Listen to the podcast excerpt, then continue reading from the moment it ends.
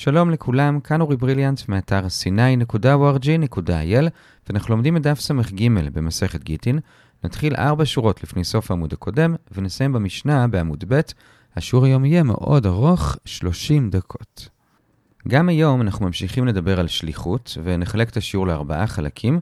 אבל לפני שנתחיל אותם, בואו רק ניזכר בכמה עקרונות. קודם כל, הבסיס לכל הדיון זה שהבעל צריך לתת לאשתו את הגט. אם רוצים להשתמש בשליח שמישהו אחר ייתן או שייתנו למישהו אחר, זה רק אם מדובר בשליח רשמי של הבעל או של האישה, אחרת זה פשוט לא נקרא שהבעל נתן לאשתו גט. זה הבסיס להכל. עכשיו, מה השליחים שאפשר למנות? אז האישה יכולה למנות שני סוגים של שליחים. יש שליח קבלה, שברגע שהגט הגיע לידי השליח, זהו זה, זה כאילו הגיע לידה והיא כבר מגורשת באותו רגע. ויש גם שליח הבאה, שבמקרה כזה, הגט מגיע לידי השליח, היא עוד לא מגורשת, אלא השליח יבוא אליה וייתן לה, ורק אז היא תהיה מגורשת. אלה שני השליחים שהאישה ממנה, או שליח קבלה, או שליח הבאה.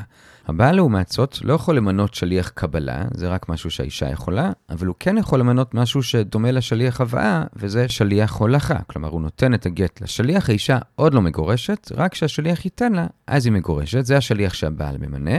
בנוסף, גם השליח שהאישה ממנה, הבעל צריך להסכים לו. כלומר, למשל, אם האישה שלך שליח קבלה, אבל הבעל לא התכוון שהוא יהיה שליח קבלה, אלא התכוון שהוא יהיה שליח הולכה, אז הוא לא יהיה שליח קבלה. מה הוא כן יהיה? אז אם נחשיב שהבעל בעצם מינה מחדש את השליח הזה כשליח הולכה, אז הוא יהיה שליח הולכה, אבל הוא לא יהיה שליח קבלה, כי הבעל לא הסכים לזה, לא שמחה דעתו על זה. זה לגבי הבעל. אז דיברנו על שני השליחים של האישה, שליח קבלה או שליח הבאה, ודיברנו על השליח האחד של הבעל, שליח הולכה, ושהוא צריך להסכים לשליח של האישה. גורם שלישי פה בסיפור זה השליח עצמו, שגם הוא כמובן צריך להסכים להיות שליח, בין אם זה הולכה, בין אם זה קבלה, ועד כאן ההקדמות, ועכשיו ניכנס לסוגיות עצמן, וכאמור נחלק את השיעור לארבעה חלקים.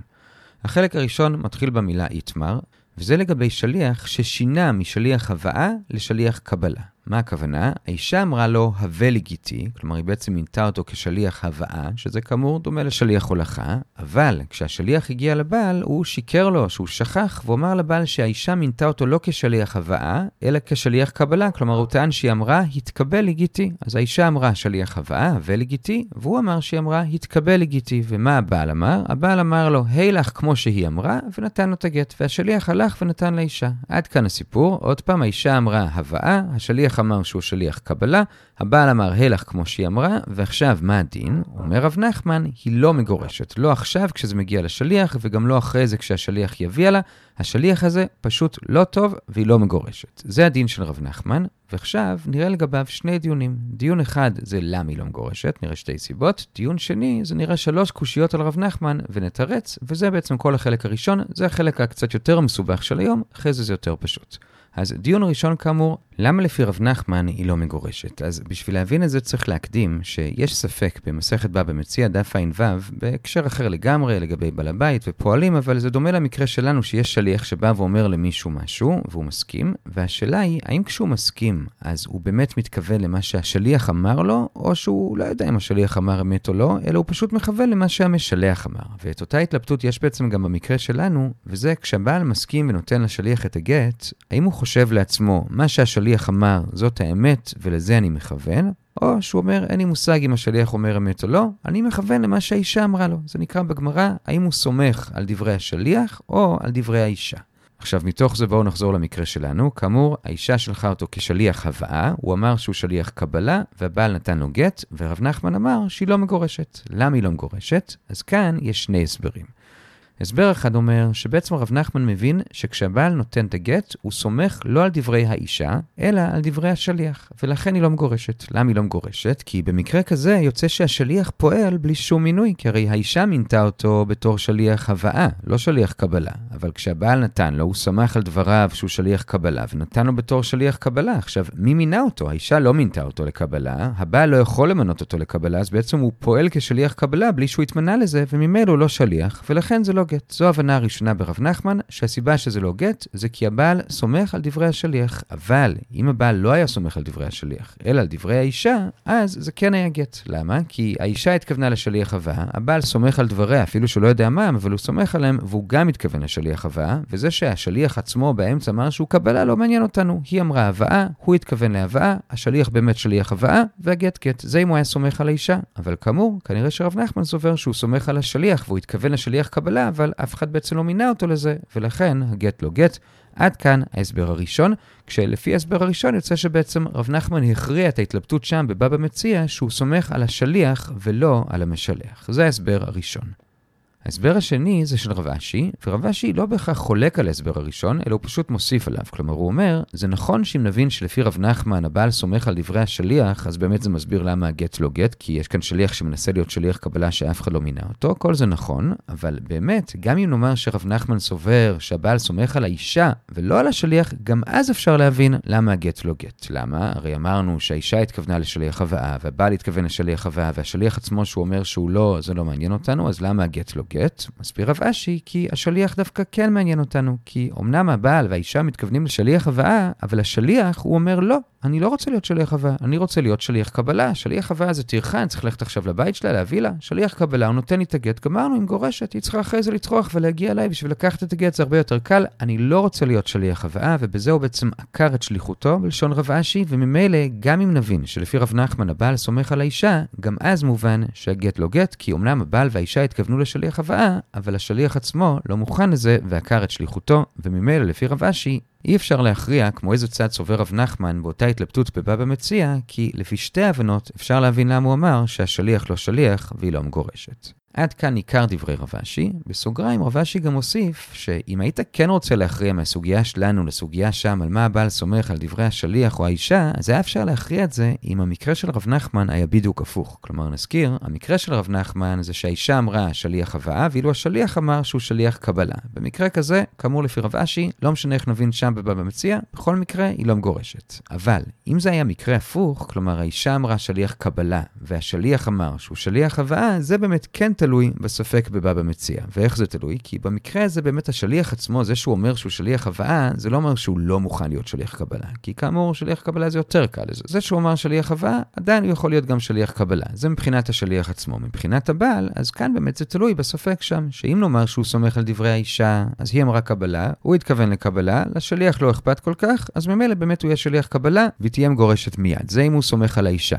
אם הוא סומך על השליח, אז אמנם האישה אמרה קבלה ולא הבאה, ולכן היא לא מינתה אותו כשליח הבאה, אבל כיוון שהבעל חשב שהוא שליח הבאה, וכאמור זה דומה לשליח הולכה, אז בעצם כשהוא נותן לו את זה בתור שליח הבאה הולכה, אז באותו רגע הוא בעצם ממנה אותו בשליחות חדשה של שליח הולכה. עכשיו, במקרה הקודם לא יכולנו לומר את זה, כי שם השליח אמר שהוא שליח קבלה, והבעל לא יכול למנות אותו בתור שליח קבלה, אבל כאן, שמדובר על שליח הבאה, הולכה, שזה דומה, אז הבעל כן יכול למנות אותו בתור שליח הולכה, והוא יהיה באמת שליח הולכה והיא תהיה מגורשת כשזה יגיע לידה. עכשיו, כאמור, כל זה בסוגריים, אם רב נחמן היה מדבר על המקרה ההפוך.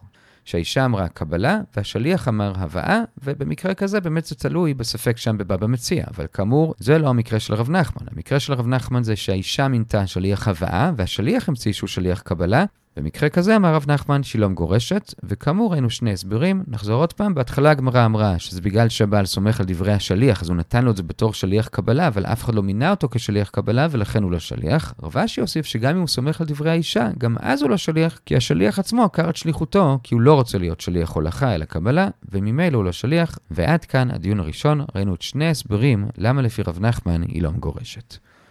הדיון השני על רב נחמן, בשורה התשיעית בעמוד א', זה שלוש קושיות על רב נחמן. עכשיו נעשה לנו קצת חיים פשוטים, כי בכל זאת זה שיעור קצר, ונלך לפי הדרך הפשוטה ששלוש הקושיות מקשות על ההבנה הראשונה ברב נחמן. כלומר, על ההבנה שאומרת שבגלל שהבעל סומך על השליח ונותן לו את זה בתור שליח קבלה, לכן השליח לא שליח והיא לא מגורשת, כי אף אחד לא מינה אותו בתור שליח קבלה, כי האישה מינתה אותו לשליח הבאה, והבעל הרי לא יכול למנות אותו לשליח קבלה, ממילא הוא שליח בלי מינוי, ולכן היא לא מגורשת, ועל זה עכשיו הולכים להקשות שלוש קושיות, ולפני שנראה אותם, נסביר קודם מה עומד מאחורי הקושייה, וזו סברה שאומרת שלמרות מה שהסברנו עכשיו, שהוא שליח בלי מינוי, אולי בכל זאת היא כן צריכה להיות מגורשת. ולמה? אז אמנם האישה לא מינתה אותו, זה נכון, אבל הבעל אולי בכל זאת כן מינה אותו. איך? הרי הבעל חשב שהוא שליח קבלה, והרי הוא לא יכול למנות שליח קבלה, אלא שהגמרא מציעה כאן סברה, וזה כיוון שהבעל נתן עיניו לגרשה, מימר אמר, תיגרש כל היחידי מגרשה. כלומר, כיוון שהוא רוצה לגרש אותה, הוא לא כזה נכנס לפרטים, מה בדיוק תהיה ההגדרה המשפטית של השליח, זה לא משנה לו.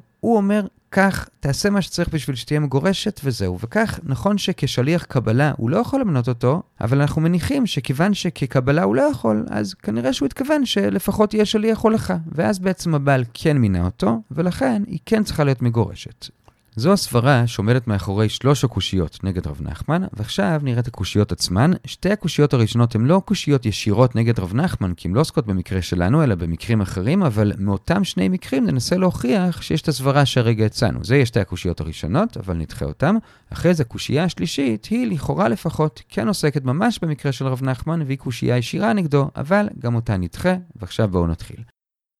אז את הקושייה הראשונה הקשר רב הונא בר חייא מהמשנה שלנו, לכן כל הסוגיה הובאה כאן, וזה שהמשנה אמרה שאם בעל ניסה למנות שליח קבלה, למרות שכאמור הוא לא יכול למנות שליח קבלה, אם הוא בכל זאת ניסה לעשות את זה, אז אמנם שליח קבלה הוא כמובן לא יהיה, אבל הוא כן יהיה שליח הולכה. עכשיו, למה? הרי הבעל אמר לו שהוא שליח קבלה, מה פתאום שהוא יהפוך לשליח הולכה? אלא אומר אבונה ברכיה כנראה, כי יש את הסברה שהצענו שהבעל מתכוון לגרש בכל מה שיגרש. אז אם הוא לא יכול להיות שליח קבלה, אז נפרש שהבעל התכוון שאם לא קבלה, שיהיה הולכה. זה מהמשנה שלנו, וממילא לכאורה אותו דבר גם אצלנו, שגם אם הבעל חשב שהשליח הוא קבלה, בכל זאת הוא התכוון לגרש במה שיגרש, והוא בעצם מתכוון לעשות אותו שליח הולכה. עד כאן הקושייה הראשונה, אבל דוחה הגמרא זה לא אותו דבר, כי במקרה של הרב נחמן מדובר שהטעו את הבעל. במשנה אף אחד לא הטעה אותו. כלומר, אצלנו מדובר שהוא באמת חשב שהוא ממנה עכשיו שליח קבלה, ואתה רב הונא ברכיה רוצה להמציא שאנחנו מפרשים שלמרות שהוא התכוון לקבלה, הוא באמת התכוון שאולי בכל זאת הולכה. מי אמר? לעומת זאת במשנה לא מדובר שהטעו אותו, מדובר שהוא עצמו בא ומינה שליח קבלה. עכשיו, מן הסתם הוא יודע שהוא לא יכול למנות שליח קבלה, אלא כנראה שכבר מראש הוא באמת התכוון שליח הולכה. כלומר, זה לא שהוא התכוון לקבלה ואנחנו באים ומפרשים על ידי הסברה ההיא שהוא בעצם התכוון גם להולכה. מה פתאום? אלא מראש הוא התכוון להולכה, ולכן במשנה זה תופס, ולא בגלל הסברה שאמרנו, ואילו אצלנו הוא באמת חשב שהשליח קבלה ולא התכוון להולכה, ולכן זה לא תופס, ועד כאן הקושייה והתירוץ הראשונים.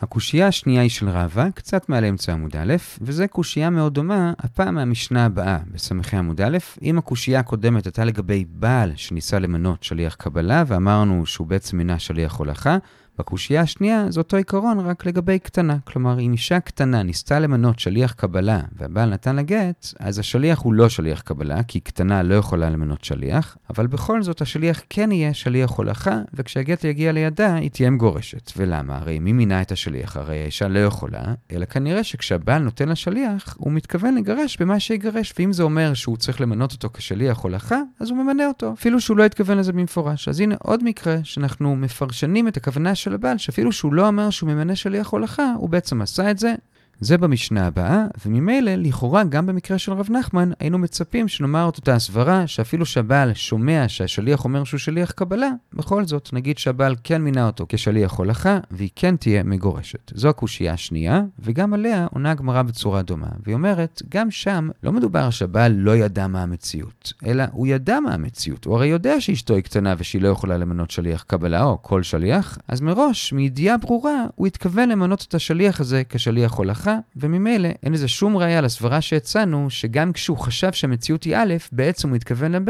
שם זה לא המקרה. שם הוא ידע שהמציאות היא ב', לזה הוא התכוון, ואין לזה ראייה לענייננו, ועד כאן הקושייה השנייה והתירוץ. הקושייה השלישית היא מברייתא, והיא כבר קושייה ממש ישירה על רב נחמן, כי אנחנו נראה בברייתא שני מקרים, מקרה א' ומקרה ב', ומקרה א', לכאורה לפחות, ממש דומה למקרה של רב נחמן, ובכל זאת היא כן מגורשת. מה המקרים? אז מקרה א', כמו במקרה של רב נחמן, זה שהאישה אמרה לשליח הווה, כלומר תהיה שליח הבאה, ואילו השליח אמר לבעל שהוא שליח קבלה, זה מקרה א', כאמור, כמו רב נחמן. מקרה ב', זה הפוך מרב נחמן, שהאישה אמרה התקבל, כלומר שליח קבלה, השליח אמר שהוא שליח הבאה, והבעל נתן לו, זה מקרה ב'. עכשיו, מה הבעל ענה בשני המקרים האלו ומה הדין? אז אומרת הברייתא שהבעל אמר לשליח, הולך את הגט, או התקבל לה את הגט, והדין הוא שבשני המקרים היא מגורשת. זו הברייתא, ובואו נשים לב לרגע מה הדומה והשונה בין הברייתא הזאת לבין רב נחמן. אז הדומה זה כמובן המקרה הראשון, שהאישה אמרה הווה, והשליח אמר שהיא אמרה לו התקבל. זה הדומה. אבל יש גם שוני, וזה קודם כל שבברייתא יש שני מקרים כאמור, גם המקרה שהוא כמו רב נחמן וגם המקרה הפוך. דבר שני, ברב נחמן הבעל פשוט אמר הילך כמו שהיא אמרה, ובאמת לא ברור למה הוא התכוון. כאן לעומת זאת הבעל היה קצת יותר ספציפי, והוא אמר הולך או התקבל, ועוד שנייה נבין למה הוא התכוון. ודבר שלישי כמובן זה ההבדל בדין, שרב נחמן אמר שהיא לא מגורשת, ואילו בברייתא היא מגורשת. אלה ההבדלים, ועכשיו בואו נשים לב להבדל לגבי איך הבעל הגיב. כאמור, ברב נחמן הבעל פשוט אמר הלך כמו שהיא אמרה, ולא ברור אם הוא התכוון למה שהאישה אמרה. בברייתא לעומת זאת, הוא אמר הולך או התקבל. עכשיו, בהווה מן הגמרא מבינה שכשכתוב שהבעל אמר או הולך או התקבל, זה לא שהוא אמר את שני הדברים, אלא כל אמירה מכוונת כלפי אחד מהמקרים, והבעל בעצם מסכים בשני המקרים עם מה שהשליח אמר. כלומר, במקרה א', שהאישה אמרה הבאה והשליח אמר קבלה, אז הבעל ענה, כמו שהשליח אמר, התקבל. כלומר, הוא שמח על דברי השליח, שהוא באמת שליח קבלה. ואילו במקרה ב', שזה הפוך, שהאישה אמרה קבלה והשליח אמר הבאה, אז כאן הבעל אמר הולך. כלומר, גם כאן הוא הסכים לשליח שהוא לא שליח קבלה, אלא שליח הולכה. כלומר, בקיצור, לפי ההווה אמינא, הבעל שמח על דברי השליח. עכשיו, לפי ההבנה הזאת, בעצם הברייתא לגמרי מסכימה לסברה שאמרנו בדעת רב נחמן, לסברה הראשונה כאמור, שגם שם אמרנו שהבעל סומך על דברי השליח. עכשיו, לפי זה בוא נראה אם הברייתא מובנת לפי רב נחמן. אז מקרה ב' בהחלט מובן. האישה אמרה, התקבל, השליח אמר שהוא לא קבלה אלא הולכה, ובעל הסכים לו, וכמו שגם רב אשי עצמו אמר מקודם, שבמקרה כזה באמת היא תהיה מגורשת, כי אמנם הוא לא יהיה שליח קבלה, אבל הוא כן יהיה שליח הולכה. מי מינה אותו? הבעל מינה אותו, ובעל הרי יכול למנות שליח הולכה, ולכן היא מגורשת. זה מקרה ב', זה מובן. אבל מקרה א', זה קשה על רב נחמן, כי הרי כמו שאמרנו, לפי רב נחמן, לפי ההבנה הראשונה, כשהאישה אמרה הווה, והשליח אמר שהוא קבלה, והבעל הסכים לשליח שהוא קבלה, אז לפי רב נחמן במקרה כזה היא לא מגורשת, כי אף אחד לא מינה אותו כשליח קבלה. ואילו בברייתא, כאמור, היא כן מגורשת. אז הנה, יש לנו סתירה חזיתית עם רב נחמן. רב נחמן אמר שהיא לא מגורשת, ואילו הברייתא אומרת שכן, ולמה? כנראה בגלל הסברה שאמרנו, שהבעל מתכוון לגרש אותה במה שיגרש. אז אם לא קבלה, הוא מתכוון למנות אותו כהולכה, ולכן היא מגורשת, ועד כאן הסתירה החזיתית של הברייתא עם רב נחמן. זו הסתירה, ועכשיו נראה התשובה. עונה הגמרא, לא הבנת את המקרה שם בברייתא נכון. כשהבעל הגיב ואמר, הולך את הגט, או התקבל את הגט, זה לא שהוא הסכים לדברי השליח. להפך, הוא אמר הפוך מהשליח, הוא אמר דווקא כמו האישה. כלומר, במקרה א', כשהאישה אמרה הווה והשליח אמר התקבל, אז הבעל לא אמר התקבל, אלא הוא אמר הולך. ואותו דבר במקרה ב', כשהאישה אמרה התקבל והשליח אמר הווה, אז הבעל לא אמר כמו השליח, אלא דווקא אמר כמו האישה. כלומר, בקיצור, שם מפורש שהבעל אמר כמו האישה ולא כמו השליח, וממילא זה כבר עושה שאין לזה שום קשר למקרה של רב נחמן, כי כאמור, לפי רב נחמן, לפי ההבנה הראשונה, אנחנו מדברים שהבעל סומך על השליח ולא על האישה, לכן כבר בזה בעצם תירצנו את הקושייה.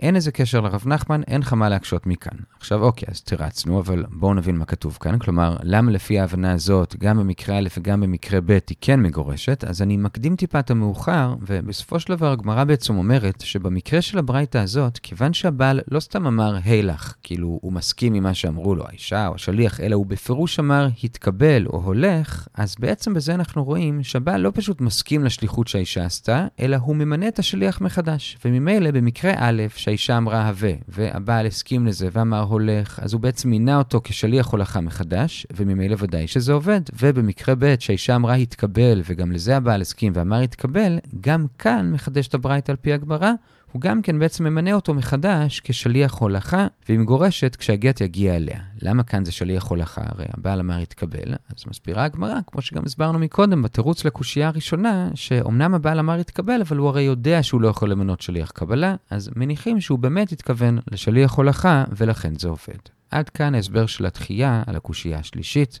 ובזה בעצם סיימנו, בעזרת השם, את החלק הראשון של השיעור. כאמור, זה החלק היותר מסובך, מכאן זה הולך ונהיה פשוט יותר, והגענו לתשע שורות לפני סוף עמוד א'.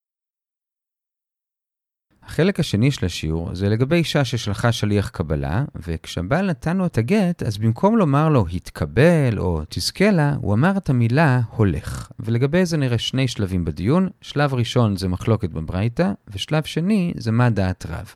אז הדעות בברייתא זה שתנא קמא ורבי אומרים, לא קרה כלום. אמנם הוא אמר הולך, אבל באמת הוא התכוון, תוליך לה כמו שהיא אמרה. כלומר, אתה עדיין שליח קבלה. זה תנא קמא ורבי. רבי נתן לעומת זאת אומר שכיוון שהוא אמר הולך, זה בעצם עצר את הכל. הוא כבר לא שליח קבלה, אלא מעכשיו הוא שליח הולכה של הבעל. אלה הדעות. שוב, תנא קמא ורבי, השליח עדיין שליח קבלה.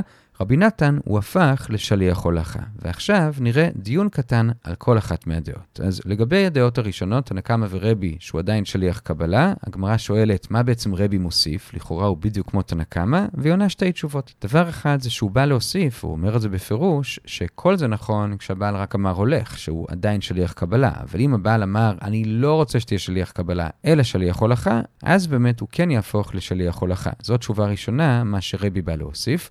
תשובה שנייה זה שבאמת רבי לא מוסיף כלום, אלא הברייתא פשוט מציינת שמי זה תנא קמא? זה רבי. זאת תשובה שנייה, ועד כאן הערות על הדעות הראשונות.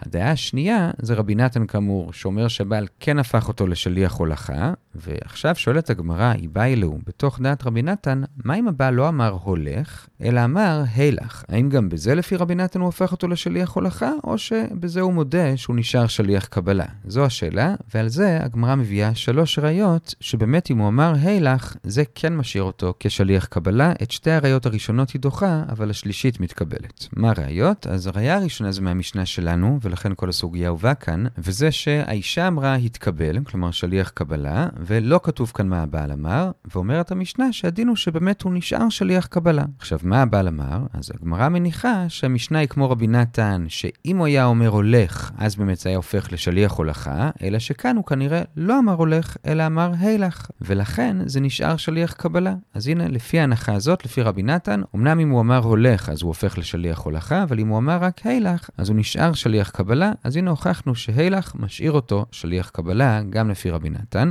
אבל דוחה הגמרא, מה פתאום? אולי משנה היא כמו רבי, ומדובר שאפילו שהוא אמר לו הולך, הוא נשאר שליח קבלה, ואין לך מכאן שום ראייה לדעת רבי נתן, המשנה לא כמותו. אז בזה דחינו את הראייה הראשונה, ובשורה השנייה בעמוד ב' עוברים לראייה השנייה. הראייה השנייה היא מהמשפט הבא במשנה, שאומרת המשנה שאם הבעל כן רוצה בכל זאת להצליח להפוך את השליח הזה משליח קבלה לשליח הולכה, אז הוא צריך לומר לו את זה בפירוש. הוא צריך לומר לו, אני לא רוצה שתהיה שליח קבלה, אלא תהיה שליח הולכה, רק אז הוא יהפוך לשליח הולכה. עכשיו, איך בדיוק הבעל אמר את זה? אז כנראה שבהתחלה, כך לפי המרשה, הגמרא גורסת במשנה, שמה שהוא אמר לו זה, אני לא רוצה שתהיה שליח קבלה, אלא הילך. ומה אנחנו רואים כאן? מזה שהמשנה גורסת הילך, שכנראה שאם הוא היה אומר רק הולך, אז זה כן היה מספיק בשביל להפוך אותו לשליח הולכה. זה כבר מראה לנו שהמשנה לא כרבי, אלא כרבי נתן, שהולך הופך אותו להולכה. אבל אם הוא היה אומר רק הילך, זה לא היה מספיק, אלא מה הוא צריך אם הוא אומר הילך? הוא צריך לומר לו בפירוש, אני לא רוצה שתהיה שליח קבלה. אז הנה, ראינו שהמשנה היא כרבי נתן, ושרבי נתן סובר שהילך בפני עצמו לא הופך אותו לשליח הולכה. אז הנה עוד ראיה למה שחיפשנו. זו הראיה השנייה, אבל דוחה הגמרא, מה פתאום? הגרסה במשנה זה לא שהוא אמר לו בסוף הילך, אלא אמר לו הולך. כלומר, גם אם הוא אמר לו הולך וזהו, אז זה גם כן לא הופך אותו עדיין לשליח הולכה, הוא נשאר שליח קבלה. כלומר, המשנה לא כמו רבי נתן, אלא כמו רבי. ורק אם הוא אמר, אני לא רוצה, אלא הולך, אז גם לרבי הוא יהפוך לשליח הולכה. בכל אופן, המשנה היא כרבי, ואין מכאן ראייה מה יסבור רבי נתן בהילך, ועד כאן הראייה השנייה, ודחינו גם אותה. הראייה השלישית והאחרונה, שאותה כבר לא נתחז בשורה השישית בעמוד ב', וזה תשמע מברייתא, שאומרת בפירוש את מה שאנחנו מחפשים. כלומר, האישה שלחה שליח קבלה, ואומרת הברייתא, שאם הבעל אמר הולך, אז הוא הופך לשליח הולכה, אז הנה מפורש הברייתא כרבי נתן ולא כמו רבי, וממשיכה הברייתא ואומרת שאם הוא אמר הילך, אז הוא נשאר שליח קבלה, וזה, כאמור, מה שחיפשנו להוכיח, שגם לפי רבי נתן, אמנם אם הוא אמר הולך, זה הופך אותו לשליח הולכה, אבל אם הוא אמר רק הילך, אז הוא נשאר שליח קבלה. ועד כאן השלב הראשון של הדיון. ראינו את המחלוקת לגבי הולך בין רבי לרבי נתן, שלפי רבי הוא נשאר שליח קבלה, לפי רבי נתן הוא הופך לשליח הולכה. השלב השני, בשליש העליון של עמוד ב', זה דעת רב. רב בעצם לא פוסק, והוא אומר שזה נשאר בספק. וממילא, אם זה יקרה, אז כל עוד הבעל עדיין חי, הוא צריך לשלוח לה שוב גט מספק, אבל מה קורה אם הבעל נפטר לפני שהוא הספיק לשלוח לה? אז כאן היא בעצם ספק מגורשת, אם זה נחשב היה גט, וספק אלמנה, אם זה לא נחשב גט. עכשיו, אם אין להם ילדים ולבעל יש אח, אז בהנחה שהיא אלמנה, האח צריך או לייבם או לחלוץ לה, אבל כיוון שכאן זה רק ספק, אז לייבם הוא לא יכול, כי הרי יכול להיות שהיא לא אלמנה אלא גרושה ואז הם אסורים, אבל כאמור זה ספק ויכול להיות שהוא כן צריך, ולכן מספק הוא יחלוץ ולא ייבם, זה הפסק של רב. עכשיו, מקשה על זה הגמרא, למה כאן רב מסתפק? הרי לגבי פירעון חוב, כלומר, לווה שולח שליח להביא את הכסף למלווה, והוא אומר לו הולך, אז שם דווקא רב פסק שזה נחשב כאילו הוא אמר לשליח, תזכה בזה בשביל פלוני, ומהרגע שהוא נתן לשליח את הכסף, אז בעצם השליח כאילו זכה בזה בשביל המלווה, והנותן, הלווה, לא יכול כבר לחזור בו. אז למה אצלנו רב אומר שהמילה הולך, לא ברור לנו אם הוא התכוון לומר תזכה בזה בשבילה, או תהיה שליח הולכה, ואילו שם בממון זה לכאורה ברור שהוא מתכוון תזכה. עונה הגמרא, לא, גם שם זה לא ברור, אלא שפשוט בממונות יש לנו כלל שכשיש ספק, אז זה נשאר אצל המוחזק, וכיוון שהשליח הוא מוחזק, אז זה נשאר אצלו, והמשלח לא יכול לחזור בו. אבל באמת, גם שם זה ספק, ועד כאן הדיון בדעת רב, ותראו שכתבנו שאלה על זה בחוברת ובאתר לגבי עצם השאלה מממונות, ובכל אופן, עד כאן החלק השני של השיעור. החלק השלישי הוא קצת מעל אמצע עמוד ב', ונחלק אותו לשני שלבים. השלב הראשון זה מה אם הבעל שלח שליח הולכה, האם אחרי זה האישה יכולה לשלוח שליח קבלה שיקבל מהשליח הולכה של הבעל. לגבי זה יש מחלוקת, רבי חנינא אומר שכן, היא יכולה, רב אומר שלא. מה פתאום לא? אז הגמרא מביאה שני הסברים. הסבר אחד זה שזה מבזה את הבעל, כלומר, בעצם כל שליח קבלה זה קצת ביזיון לבעל. מה, את לא יכולה לבוא בעצמך, את שולחת שליח? אז מילא כשהבעל עצמו נותן לשליח קבלה, אז הוא אומר, טוב, זה מבזה, אבל אני מסכים. אבל כשהבעל עצמו גם לא הגיע בעצמו, אלא שלח שליח והשליח פוגש שליח קבלה של האישה, כאן יכול להיות שכיוון שהבעל לא מודע לזה ולא הראה הסכמה לתת לשליח קבלה, אלא השליח שלו שם, אז יכול להיות שבמקרה כזה הוא באמת לא מסכים. ואם הוא לא מסכים, הוא בעצם ביטל את השליח הולכה, ובזה הוא בעצם ביטל את הנתינה, ולכן זה לא גט, זה הסבר אחד. הסבר שני, שזה לא קשור לביזיון הבעל, אלא גזרה משום חצרה הבא לאחר מכן. כלומר, יש דין שהבעל יכול לשים את הגט לא רק ביד של האישה, אלא גם בחצר שלה או בבית שלה, אבל מה קורה אם הוא שם את הגט לא בחצר שלה, אלא בחצר של מישהו אחר, של ראובן, ואחרי זה ראובן מכר את החצר עם הגט שבתוכו לאישה, כך שעכשיו בעצם הגט בחצר של האישה, הדין הוא שהיא לא מגורשת, כי הבעל בעצם לא נתן את זה לחצר שלה, הוא נתן לחצר של ראובן, ורק אחרי זה זה הגיע אליה. עכשיו, זה דין שהוא מקובל, ובגלל הדין הזה אולי גזרו גם על המקרה של רב, שהבעל נתן לשליח הולכה, והשליח הולכה נתן לשליח קבלה של האישה. כי אמנם זה מקרים אחרים, אבל זה קצת דומה. כי בהתחלה הוא נתן לשליח שלו, ורק אחרי זה פתאום האישה שלחה שליח שלה, וזה עבר אליו, אז זה קצת מזכיר את המקרה של החצר שאחרי זה פתאום עברה אליה, ולכן עטו המקרה הזה רב גזר, וזה לא גט. אלה שני הסברים, לדעת רב, למה זה לא גט, ומה הנפקמינה בין ההסברים? הנפקמינה זה מה יקרה אם האישה לא שלחה את השליח קבלה שלה אחרי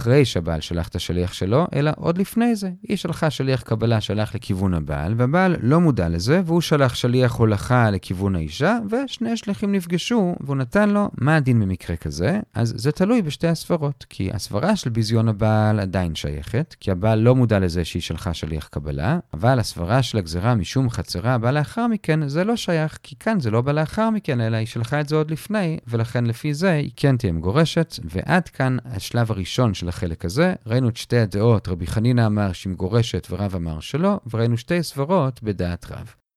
השלב השני זה קצת מתחת לאמצע עמוד ב', במילים ההוא גברא, וזה מקרה מעניין שלכאורה בנוי על המקרה הקודם שבו יש את המחלוקת. כלומר, המקרה הקודם כאמור זה שהבעל שלח שליח הולכה, והאישה שלחה שליח קבלה לקבל מהשליח הולכה, ובזה ראינו מחלוקת. לפי רבי חנינא היא יכולה, לפי רב היא לא, ראינו את שתי הסיבות למה. עכשיו, לעומת זאת, יש כאן משהו מעניין, וזה שהאישה לא שולחת שליח נפרד לקבל את הגט מהשליח הולכה, אלא היא רוצה להפוך את השליח הולכה, שהוא עצמו יהפוך פתאום לשליח קבלה. כלומר, כשהשליח הולכה יתקרב אליה עם הגט, היא אמרה לו, חכה, אל תיתן לי, מעכשיו אתה שליח קבלה שלי, והשאלה היא מה הדין. אז לפי רב מהמקרה הקודם, שאמר שהיא לא יכולה לעשות שליח קבלה שיקבל מהשליח הולכה, אז כאן, שהיא רוצה שאותו אחד יהפוך לשליח קבלה, בטח שהיא לא יכולה, זה לפי רב. אבל מה לפי רבי חנינא, שאמר מקודם שהיא יכולה? אז כאן יש מחלוקת. רב נחמן אומר שלפי רבי חנינא גם כאן היא יכולה והיא מגורשת. רב אומר שגם לפי רבי חנינא, אמנם במקרה הקודם היא מגורשת, אבל כאן היא לא מגורשת. ולמה? כי ברגע שהיא הפכה את השליח מלהיות שליח הולכה של הבעל לשליח קבלה שלה, אז היא בעצם ביטלה את השליחות של הבעל. כי בשביל שהשליח ייחשב שליח, הוא צריך לסיים את השליחות שלו, מה שנקרא בגמרא, שחזרה שליחות אצל הבעל. וכאן הרי הוא לא סיים את השליחות הראשונה, אלא היא פשוט התפוגגה, הוא פתאום הפך לשליח שלה.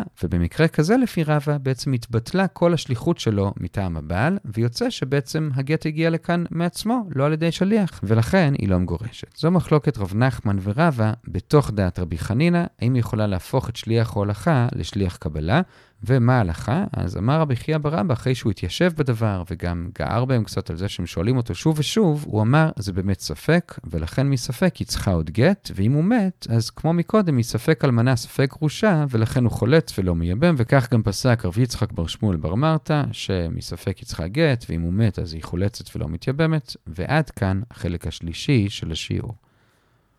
החלק הרביעי והאחרון זה עשר שורות לפני המשנה בסוף עמוד ב', וזה גם לגבי שליחות בגט, אבל זה מובא כאן יותר בדרך אגב, פשוט כי ראינו מקודם פסק של רבי יצחק בר שמואל בר מרתא, אז עכשיו מביאים עוד מקרה שלו, ואת החלק הזה נחלק לשלושה שלבים, כששלושת השלבים דנים בשאלה מתי שליחי כתיבה של גט מסיימים את השליחות שלהם, ומעכשיו אם הם רוצים לעשות עוד משהו, הם יצטרכו לקבל שליחות חדשה מהבעל. אז השלב הראשון מסופר על בעל שמינה שליחים לכתוב ולתת גט לאשתו, והם בטעות, בשם שלה, כתבו שקוראים לה תפאתה במקום נפאתה. אז זה שהגט פסול זה ברור, כי זה לא השם שלה. השאלה היא, האם אותם שליחים יכולים ממש עכשיו לכתוב גט חדש, או שהם צריכים לחזור לבעל ולקבל מינוי חדש, ואז לכתוב גט חדש. אז רבי יצחק בר שמואל בר מרתא אומר שהם לא יכולים, אלא הם צריכים לקבל שליחות חדשה. ולמה? כי הם בעצם כבר מילאו את השליחות שלהם, אז זהו, הם כבר לא שליחים, ובשביל לכתוב עוד פעם הם צריכים שליחות חדשה. אבל רבא אומר שהם יכולים, כי זה לא נכון לומר שמילאו את השליחות. כי מה, השליחות הייתה לכתוב חתיכת חרס חסרת משמעות? מה פתאום? השליחות הייתה לכתוב גט כשר, והם עוד לא עשו את זה, וממילא הם יכולים עדיין לכתוב עדיין תחת המינוי של השליחות המקורית. זה שלב ראשון, המחלוקת של רב יצחק בר שמואל בר מרתא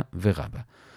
השלב השני, גם בתוך דעת רבה, שהם עדיין יכולים לכתוב, מה יקרה אם באמת הם כתבו גט כשר, אבל אז איבדו אותו לפני שהספיקו לתת. אז כאן גם רבה מודה שהם כבר לא יכולים לכתוב חדש, כי השליחות הייתה לכתוב, והם מילאו את השליחות, אז הם כבר לא שליחים, אבל רב נחמן אומר שהם עדיין יכולים. כי מה, הבעל אמר להם לכתוב בשביל לשים בכיס? לא, הוא אמר להם לכתוב בשביל לתת לה, והם יכולים לכתוב ולאבד, לכתוב ולאבד, עד שהם בסוף הם יצליחו, אפילו מאה פעמים, כי השליחות היא שהם יצליחו. זה שלב שני, מחלוקת רבה ורב נחמן.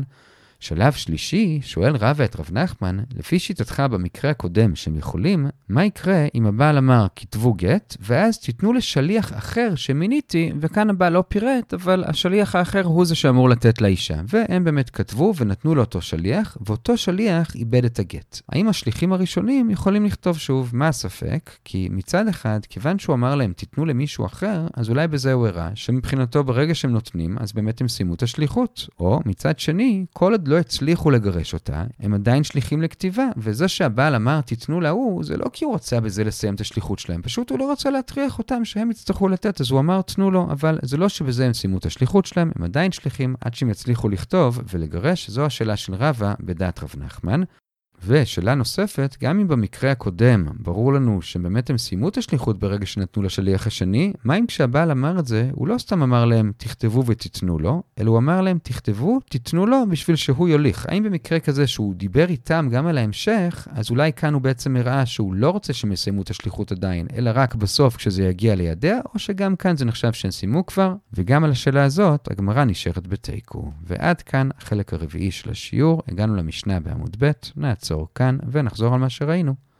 חילקנו את השיעור לארבעה חלקים. בחלק הראשון ראינו מקרה של הרב נחמן, שהאישה שלחה שליח בתור שליח הבאה, אבל השליח אמר לבעל שהוא שליח קבלה, והבעל אמר, הילך כמו שהיא אמרה, ורב נחמן אמר שהיא לא מגורשת. ולגבי זה ראינו שני דיונים. דיון אחד, למה היא לא מגורשת? ראינו שני הסברים. הסבר אחד זה כי לפי רב נחמן הבעל סומך על דברי השליח, והוא מתכוון שהוא יהיה שליח קבלה, אבל בעצם אף אחד לא מינה אותו כשליח קבלה, כי האישה מינתה אותו כשליח הבאה, והבעל לא יכול למנות אותו כשליח קבלה, ממילא הוא לא שליח של אף אחד, ולכן היא לא מגורשת. זה הסבר אחד. הסבר שני רב אשי הוסיף שגם אם נאמר שהוא סומך על האישה, ובעצם גם הוא הסכים שהוא שליח הבאה, עדיין כיוון שהשליח אמר שהוא שליח קבלה, זה אומר שהוא לא רוצה להיות שליח הבאה, ולכן הוא לא שליח, ולכן היא לא מגורשת. אלה שני הסברים, ואחרי זה ראינו שלוש קושיות שבאופן פשוט הם על ההסבר הראשון, וזה שלכאורה, למרות שהבעל לא יכול למנות אותו כשליח קבלה, עדיין היינו מצפים שהיא תהיה מגורשת, כי אמנם הוא התכוון לעשות אותו שליח קבלה, אבל גם יש לו בראש את הכלל שכיוון שנתן עיניו לגרשה, מימר אמר תיגרש כל היחיד יחידי מגרשה, שהוא רוצה לעשות מה שצריך בשביל שהיא תתגרש, ובזה הוא בעצם גם כולל כן למנות אותו כשליח הולכה, ולכן היא כן צריכה להיות מגורשת. זה מה שעומד מאחורי שלוש הקושיות, ומה הקושיות עצמם? אז שתי הקושיות הראשונות זה מבעל שניסה למנות שליח קבלה, או מקטנה שניסה למנות שליח קבלה, שבשני המקרים הם לא יכולים, ובכל זאת אנחנו רואים שהשליח הוא שליח הולכה. איך זה קרה? כנראה מהסברה שאמרנו שהבעל מתכוון למנות מה שצריך, אבל את שתי הקושיות דחינו, כי באמת שם לא מדובר שהוא לא ידע מה הוא עושה, אלא באמת מראש הוא רצה למנות שליח הולכה, לכן שם זה עובד, אבל אצלנו זה לא המקרה. הקושייה השלישית הייתה מברייתא שבמקרה א' שלה מדברת ממש לכאורה על המקרה שלנו שהאישה אמרה הווה והשליח אמר שהיא אמרה התקבל והדין הוא שהיא מגורשת, והבנו ששם הבעל אמר כמו שהשליח אמר התקבל, אז הנה זה ממש סתירה לרב נחמן, אבל דחינו, לא, הבעל לא אמר התקבל כמו השליח, אלא דווקא אמר הולך כמו אישה, והוא התכוון למינוי של שליחות חדשה של הולכה, ולכן זה עובד, ואין איזה קשר לרב נחמן, ועד כאן החלק הראשון. בחלק השני שאלנו, מה אם האישה שלחה שליח קבלה, וכשהבעל נתן לו, הוא אמר הולך. אז לפי רבי לא קרה כלום, הוא עדיין שליח קבלה, אבל לפי רבי נתן, בזה הבעל הפך אותו לשליח הולכה. עכשיו, מה אם הוא לא אמר הולך, אלא אמר לו הילך? אז הבאנו שלוש ראיות שכאן גם רבי נתן יודע שהוא עדיין יישאר שליח קבלה. את שתי הראיות הראשונות במשנה שלנו דחינו, אבל הראיה השלישית התקבלה, ולגבי עצם המחלוקת רבי ורבי נתן מה ההלכה, אז רב פסק שזה ספק, וממילא אם הבעל מת לפני שהוא הספיק לתת לה עוד גט מספק, אז היא צריכה לחלוץ ולא להתייבם, וזה היה החלק השני.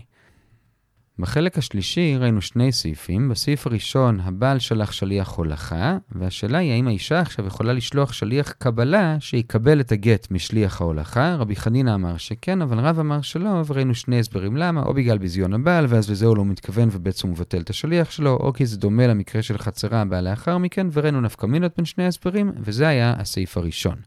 בסעיף השני שאלנו, לפי רבי חנינא, שאומר שהיא כן יכולה, האם היא גם יכולה להפוך את שליח ההולכה של הבעל לשליח קבלה שלה? רב נחמן אמר שכן, והיא מגורשת, רב אמר שלא, כי בזה היא בעצם ביטלה את השליחות של הבעל, כי הוא לא סיים את השליחות שלו, ולכן היא לא מגורשת. ומה ההלכה? רבי חייא בר אבא ורב יצחק בר שמואל בר מרתא אמרו שזה ספק, ומספק היא צריכה עוד גט, ואם הוא מת, היא חולצת ולא מתייבמת, ועד כאן החלק השלישי. בחלק הרביעי ראינו עוד דיונים על שליחות בגט, וזה הובא כאן אגב זה שהבאנו את רב יצחק בר שמואל בר מרתא, וחילקנו את זה לשלושה סעיפים, כשהשאלה בכל הסעיפים זה מתי שליחי כתיבה מסיימים את התפקיד שלהם. בסעיף הראשון שאלנו אם השליחים טעו בשם האישה, האם הם יכולים לכתוב גט חדש? לפי רב יצחק בר שמואל בר מרתא לא, כי הם בעצם כבר סיימו את השליחות, לפי רב הם עדיין יכולים כי הם עדיין שליחים. בסעיף השני שאלנו, לפי רבא שהם יכולים, מה אם הם כתבו ואיבדו? אז כאן רבא כבר מודה שהם כבר לא יכולים לכתוב שוב, אבל רב נחמן אומר שהם עדיין יכולים. בסעיף השלישי, לפי רב נחמן שיכולים, מה אם הבעל אמר להם לתת למישהו אחר שייתן והוא איבד, אז האם כאן הם עדיין שליחים, או שכאן כבר לא? ומה אם הבעל אמר שייתנו להוא וההוא ייתן לה, אולי כאן זה יותר מראה שהוא עדיין רוצה שהם יהיו שליחים? ובזה הגמרא נשארה בתיקו, כל טוב.